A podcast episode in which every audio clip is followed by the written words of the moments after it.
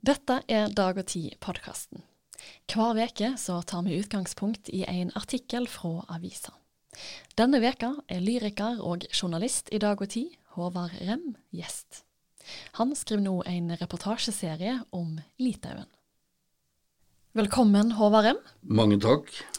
De av lytterne som har fulgt Dag og Tid-podkasten en stund nå, de husker nok at du har vært gjest her tidligere og fortalt om distriktsseriene dine om Austadalen, Haugalandet og Nordfjord. Og etter noen år med korona, og derfor òg reiserestriksjoner, så har du nå eh, reist på ny, og denne gangen utenfor Norge. Men ikke altfor langt, til Litauen. Mm. Og du skriver selvsagt reportasjer om eh, reisa di. Du skriver om eh, nordisk-baltisk samarbeid, litauisk historie og litteratur. Og samme veka som denne podkastepisoden eh, kommer ut, så står òg tredje del i serien din på trykk i dag og tid. Du har jo reist uh, store deler av verden, men du har aldri vært i Litauen før nå. Eh, hvorfor var det akkurat Litauen du valgte å reise til denne gangen? Nei, det var uh, bladstyreren som uh, ville at jeg skulle reise til et av grannelandene til uh, krigen, som uh, begynte for to måneder siden.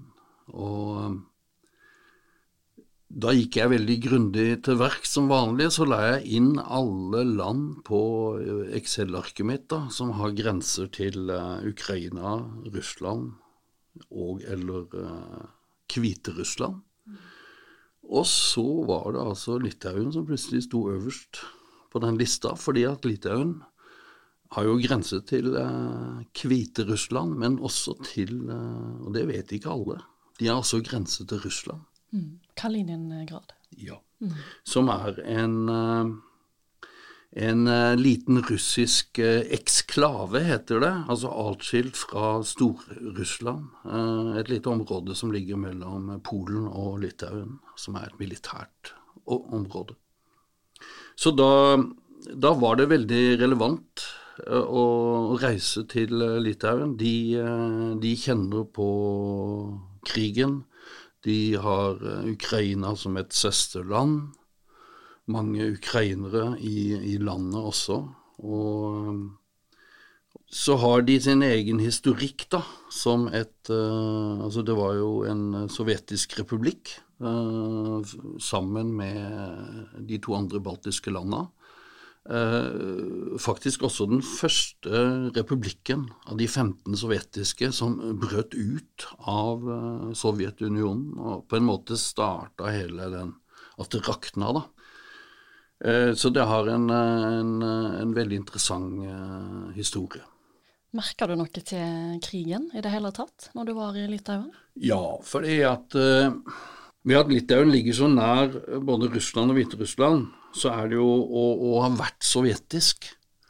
Uh, og på en måte De som måtte ha De i Moskva som måtte ha sovjetiske drømmer, vil jo med en gang se for seg Baltikum som en del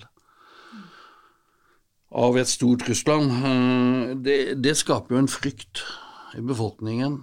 Men samtidig så eh, Like stor som den frykten er det også en eh, Merker du en daglig glede over at Litauen er medlem av både Nato og EU.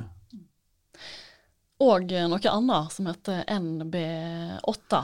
Ja, en, jeg var jo da i Vilnius mens uh, det store NB8-møtet fant sted. Og det var da i Vilnius fordi at i år så er Litauen vertskap har formannskapet da i NB8. Og hva er NB8? Ja. N-en står for nordisk, B-en står for uh, Baltikum, og åttetallet står for de åtte landa som utgjør da Norden og Baltikum.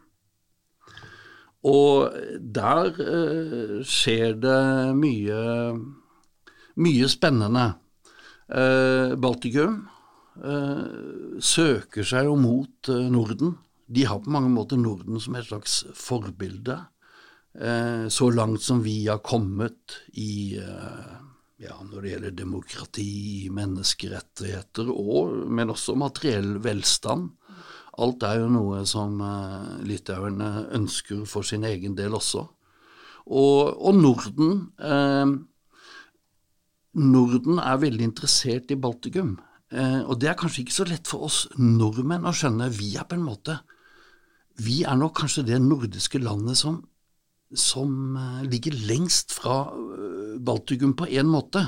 Fordi at Finland og Sverige de deler jo Østersjøen med Baltikum. Så det, det, skaper en sånn naturlig tilknytning. Sverige og Litauen har til og med sjøgrense. Danmark ligger nærmere geografisk, men har også en historisk eh, forbindelse med Litauen. Og Island de har også en, en slags større tilknytning enn Norge, fordi at Litauerne elsker Island. Eh, den viktigste utelivsgata i Vilnius, den heter Islandsgata. Ja, da, ja. Og på veggene der så finner du sånn eh, det islandske flagget med hjerter på og sånn. Og hvorfor det? Jo, fordi at Island var det første landet som turte å anerkjenne Litauen som et selvstendig land da, i 1991. Før noe annet land. Eh, og som da på en måte provoserte eh, Moskva, da. Men, eh, men, og det har jo litauerne aldri glemt. Nei. Nei. Så sånn sett så kommer på en måte vi nordmenn vi kommer litt bak i, i køen når det gjelder liksom nærhet til Baltikum og Litauen, da. Men på NB8-møtet så reiste det seg da naturlig et annet spørsmål, og det er at av de åtte NB8-landa, så er det, og da hvor etter alt å dømme så vil alle åtte da være Nato-medlemmer om ikke så altfor lenge. Men så er det jo to av dem som ikke er medlem av EU. Eh, og det ble jo litt tema, det òg, da. Hvorfor, eh, hvorfor skal eh, Island og Norge stå utenfor EU? Og de eh, litauerne da ønsketes jo veldig velkommen inn i EU. Ja. Vi trenger kanskje ikke å ta EU-debatten eh, i studio i dag. Nei, vi får eh, vente til den eventuelt kommer ute i, eh, i, den store offentligheten. Ja. Men du sa at, at ja, disse baltiske landene de ser mot nord. Mm. Men de har òg likevel mye felles historie med resten av de østeuropeiske landene, og, og Russland da, gjennom Sovjetunionen. Hva var ditt inntrykk av kulturen i Litauen? Det er veldig spennende som har med den geografiske beliggenheten deres. Altså, de søker mot Norden på den ene side, men de har også veldig mye til felles med andre østeuropeiske land. I verdier og også i hele sin historikk eh, i forhold til sovjetsamveldet. Sånn at eh, på NB8-møtet så foreslo jo nå Litauen at eh, NB8-forumet skal utvides til det de kaller NB8 pluss Visegrad-landa. Eh, som er Polen, Tsjekkia, Slovakia og Ungarn. Og, og da begynner, at det er jo også land som Litauen har mye til felles med. Og da begynner, jo, da begynner det å bli eh, litt friksjon her, fordi at eh, som vi alle vet, så har jo Polen og Ungarn utfordringer når det gjelder eh, demokrati og rettsstatsting, eh, sånn som vi ser det. Men sånn er det når både Nato utvides og EU utvides. Altså, da øker jo også de indre motsetningene. og og det er klart, når jeg snakket med representanter for Nordisk ministerråd og sånn, så var det klart at de, jo, altså, de, de prøver jo å selge inn eh, nordiske verdier i disse landene, men de er også oppmerksom på at det er en stor avstand, og at det kanskje er litt sånn, hva heter det, give and take. Eh, jeg vil gjerne se litt på noe helt annet enn eh, NB8. Um, ehm, for jeg beit meg fast i når jeg leste reportasjen din, at uh, at du finner fred i, eh, i gamle byer. Sånn som eh, andre finner fred i, i skoger, eller i skogen, da. Og da ble jeg veldig nysgjerrig på hva det er med disse gamle byene som fascinerer deg, eller som gir deg den, den freden, den roa.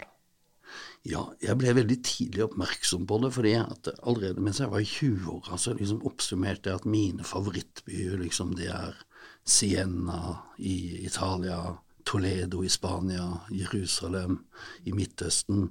Så tenkte jeg, hva har de til felles? Jo, det er jo gamlebyene i disse byene som jeg er glad i, og de er nokså bilfrie. Du slipper støyen fra bilene. Men du slipper også støyen fra moderne arkitektur. Brutalisme, ja, som sant. den ofte kalles. Mm. Um, så det, det, handler ikke bare om en sånn nostalgi og drømme seg tilbake til fortida, men det er, det er liksom mer uh, skjerma. Du, blir, du, blir spart for mye støy.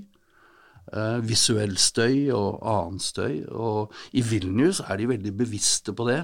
F.eks. Lidl-butikken. Lidl er jo en, en sånn uh, lavpriskjede. Ja. Og, og Lidl-butikken i uh, Vilnius, den får ha et skilt ut mot gata. Men det Lidl-skiltet med Lidl-logoen, det er da uten farger. Det er helt blankt. Ja. Uten rødt og gult og blått.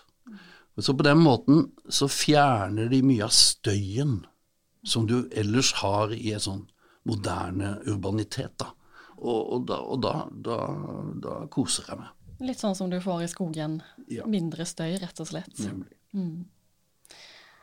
Er det en gamleby som du som sitter ekstra godt i? Ja, akkurat nå er det faktisk uh, Vilnius. Ja. Den, den gamle byen var så sjarmerende. Og den er såpass stor også. Den består egentlig av flere bydeler. Og det er så mye historie. Eh, på 1800-tallet så ble Vilnius kalt både Nordens Aten pga. de store universitetene. Men det ble også kalt Nordens Jerusalem. Mm. Fordi halve byen uh, var jødisk. Ja, tenk på det. Og uh, så det, Vilnius var en, var en uh, helt spesiell, er en helt spesiell gamleby.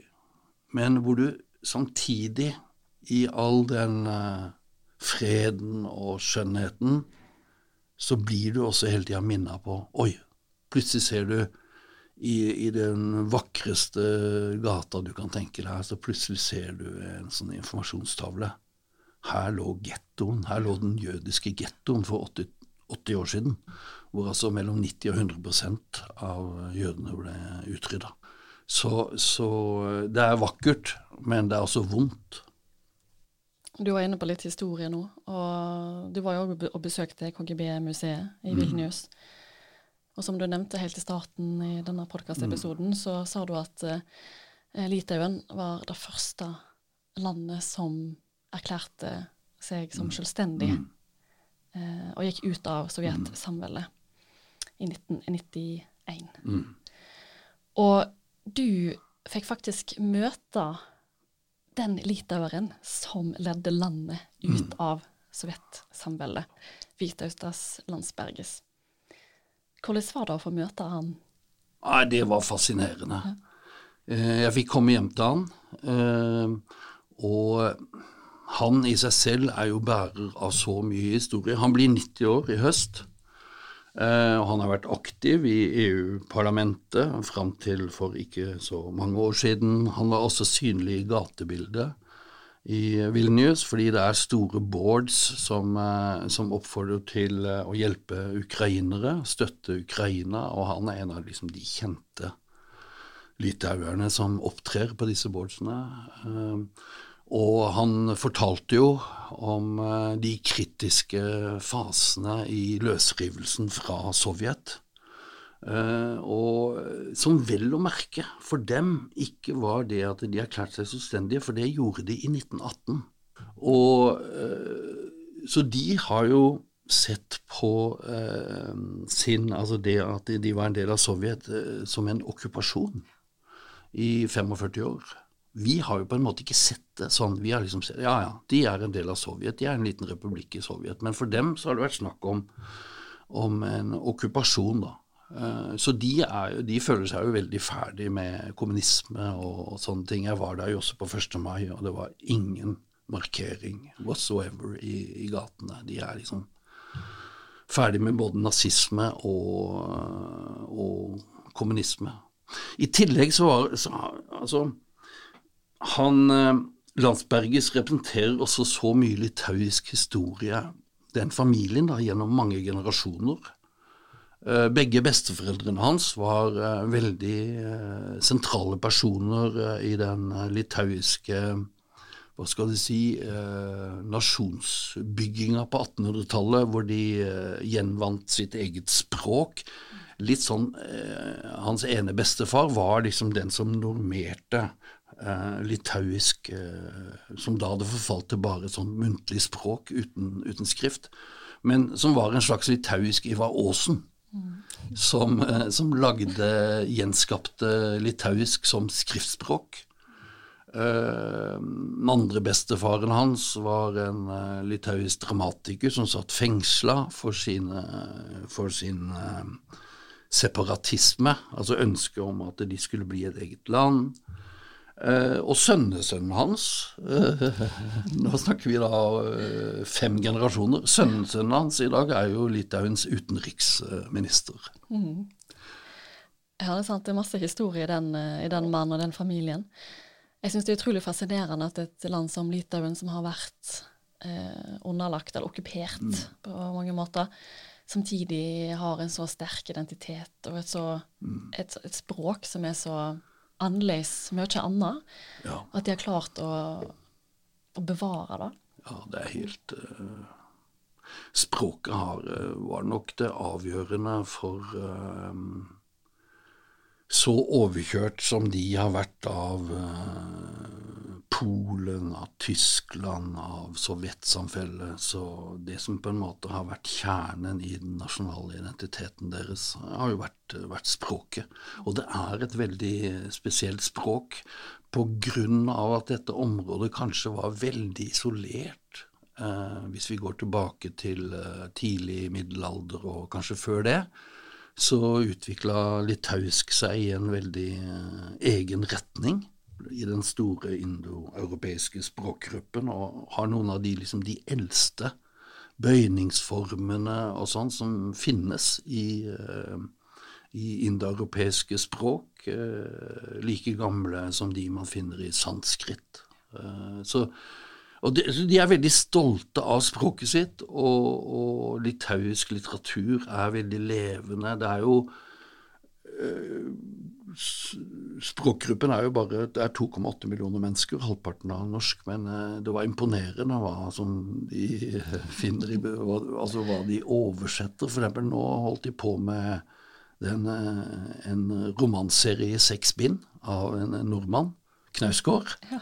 Som nå kommer Jeg tror de var kommet til bind tre eller fire på litauisk. Det er imponerende, altså. Ja.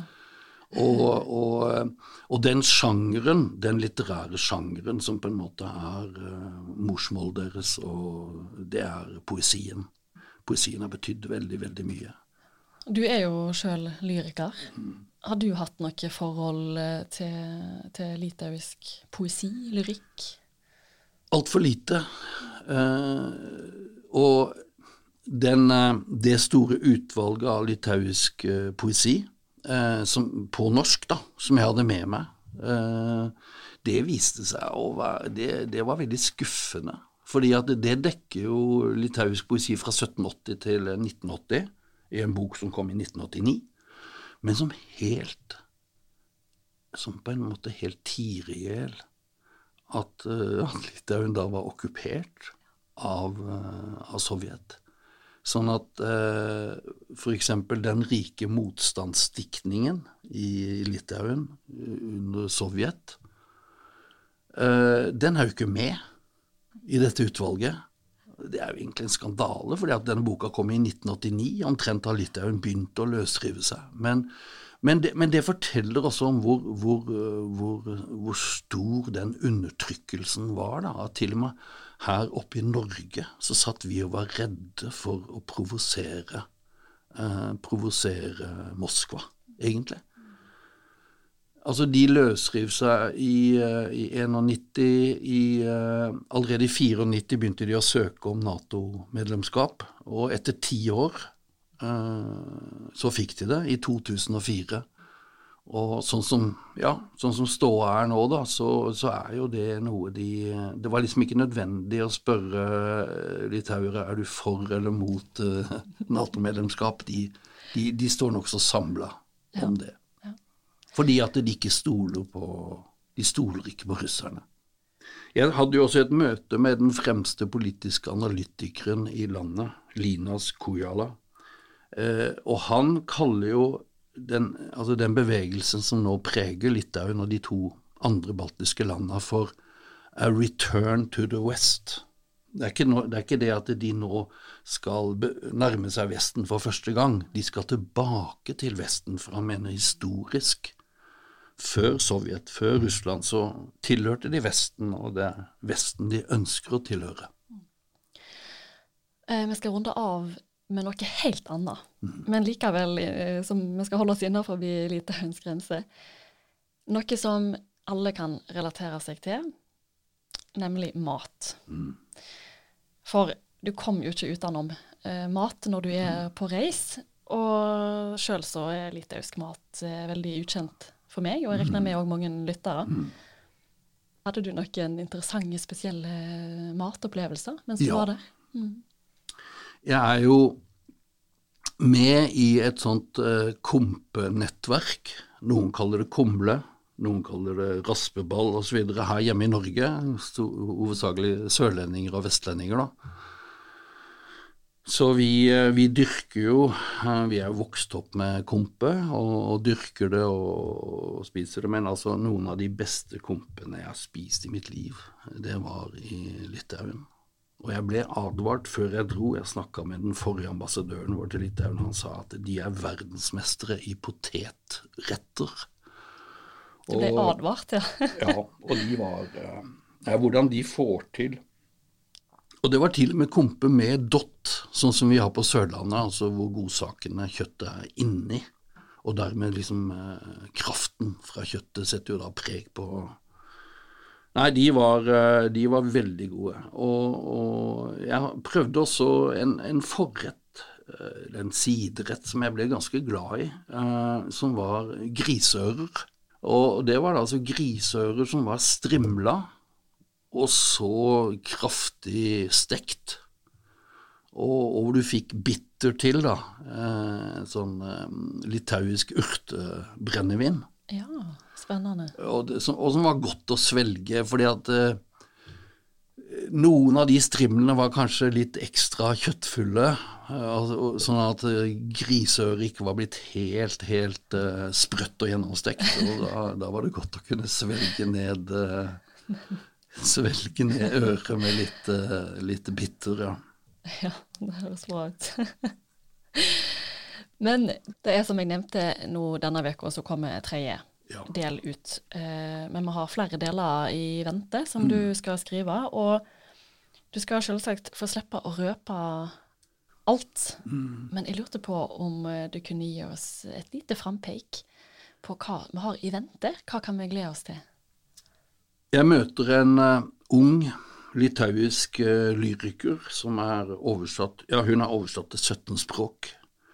Uh, og vi snakket mye om en, eh, en, ny bok hun har laget sammen med andre litauiske lyrikere om, eh, om jødenes skjebne i Vilnius og i landet.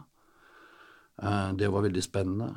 Og jeg fikk også en dag eh, ute i distriktet med de norske Nato-styrkene, som er blitt ganske mange eh, i Litauen i forbindelse med de eh, spenningene som er i området. Så um, det er jo noe av det jeg skal skrive om de neste ukene. Mm.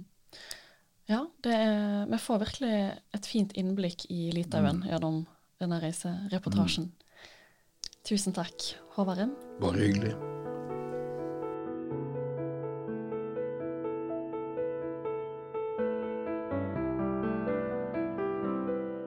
Du lytta til Dag og Tid-podkasten, og i studio var jeg, Sofie Mai Rånes. I tillegg til podkast så har vi òg lydavis i dag og tid. Har du digitalt eller komplett abonnement, kan du lytte til et utvalg lydartikler hver veke. Og Håvard Rem han leser selvsagt inn sin reportasjeserie på lyd. Er du ikke abonnent, så kan du bestille et gratis prøveabonnement med automatisk stopp på dagogtid.no prov. Og som alltid, vi setter stor pris på tilbakemeldinger, så send gjerne en e-post til sofie.krøllalfa.dagogtid.no hvis du har innspill eller kommentarer. Takk for at du lytta.